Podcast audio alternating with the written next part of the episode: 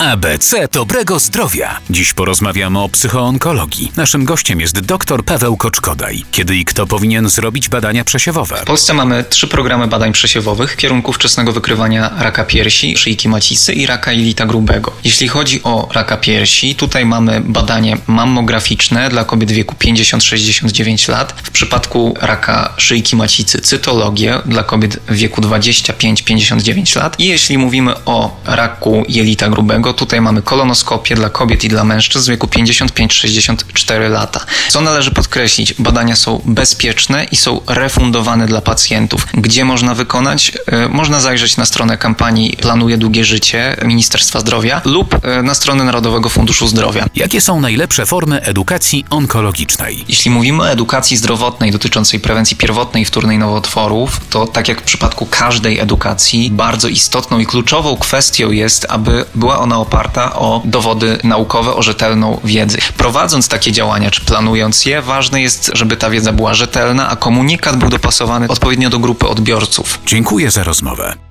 ABC Dobrego Zdrowia. Dziś porozmawiamy o psychoonkologii. Naszym gościem jest dr Paweł Koczkodaj. Dlaczego nowotwory są nadal tematem tabu? Jest to poważna choroba, często kojarzy się z wyrokiem, natomiast dzisiaj y, coraz częściej mówi się o nowotworach jako chorobach przewlekłych. Mamy coraz lepsze leczenie, coraz lepsze metody wykrywania nowotworów na wczesnych etapach. One są leczone w sposób skuteczniejszy. Osoba, która leczy się onkologicznie, może funkcjonować normalnie w życiu codziennym i to jest dzisiejsze dobrodziejstwo. Zaczynamy coraz lepiej radzić sobie z tymi nowotworami, co nie zmienia faktu, że ta choroba nadal wzbudza społeczny lęk. Kiedy powinny pojawić się pierwsze rozmowy o nowotworach? Tak naprawdę to jest coś, co powinno się dziać już od najmłodszych lat, oczywiście dostosowując odpowiednio komunikat, słownictwo, atrakcyjność takiego przekazu i nie ma też górnej granicy dla edukacji. Powinniśmy edukować wszystkie grupy po to, aby wszyscy ludzie byli świadomi na temat badań przesiewowych, na temat czynników ryzyka. Jeżeli od najmłodszych lat będziemy uczyć dzieci, co to są za czynniki, jak ich unikać, czego nie należy robić, co należy robić, możemy liczyć, że te trendy zmienią się. Dziękuję za rozmowę.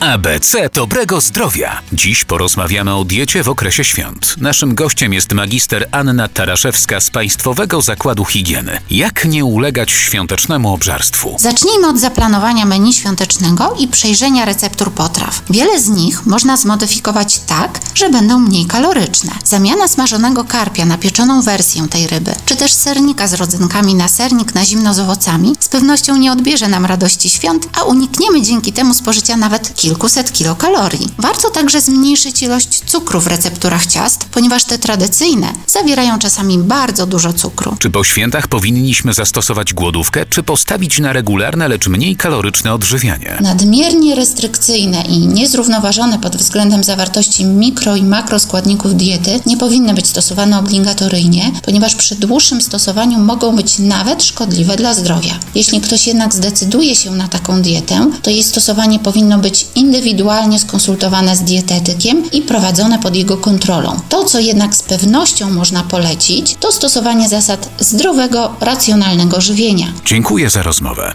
Audycja zrealizowana we współpracy z Ministerstwem Zdrowia w ramach kampanii społecznej Planuje Długie Życie Narodowej Strategii Onkologicznej.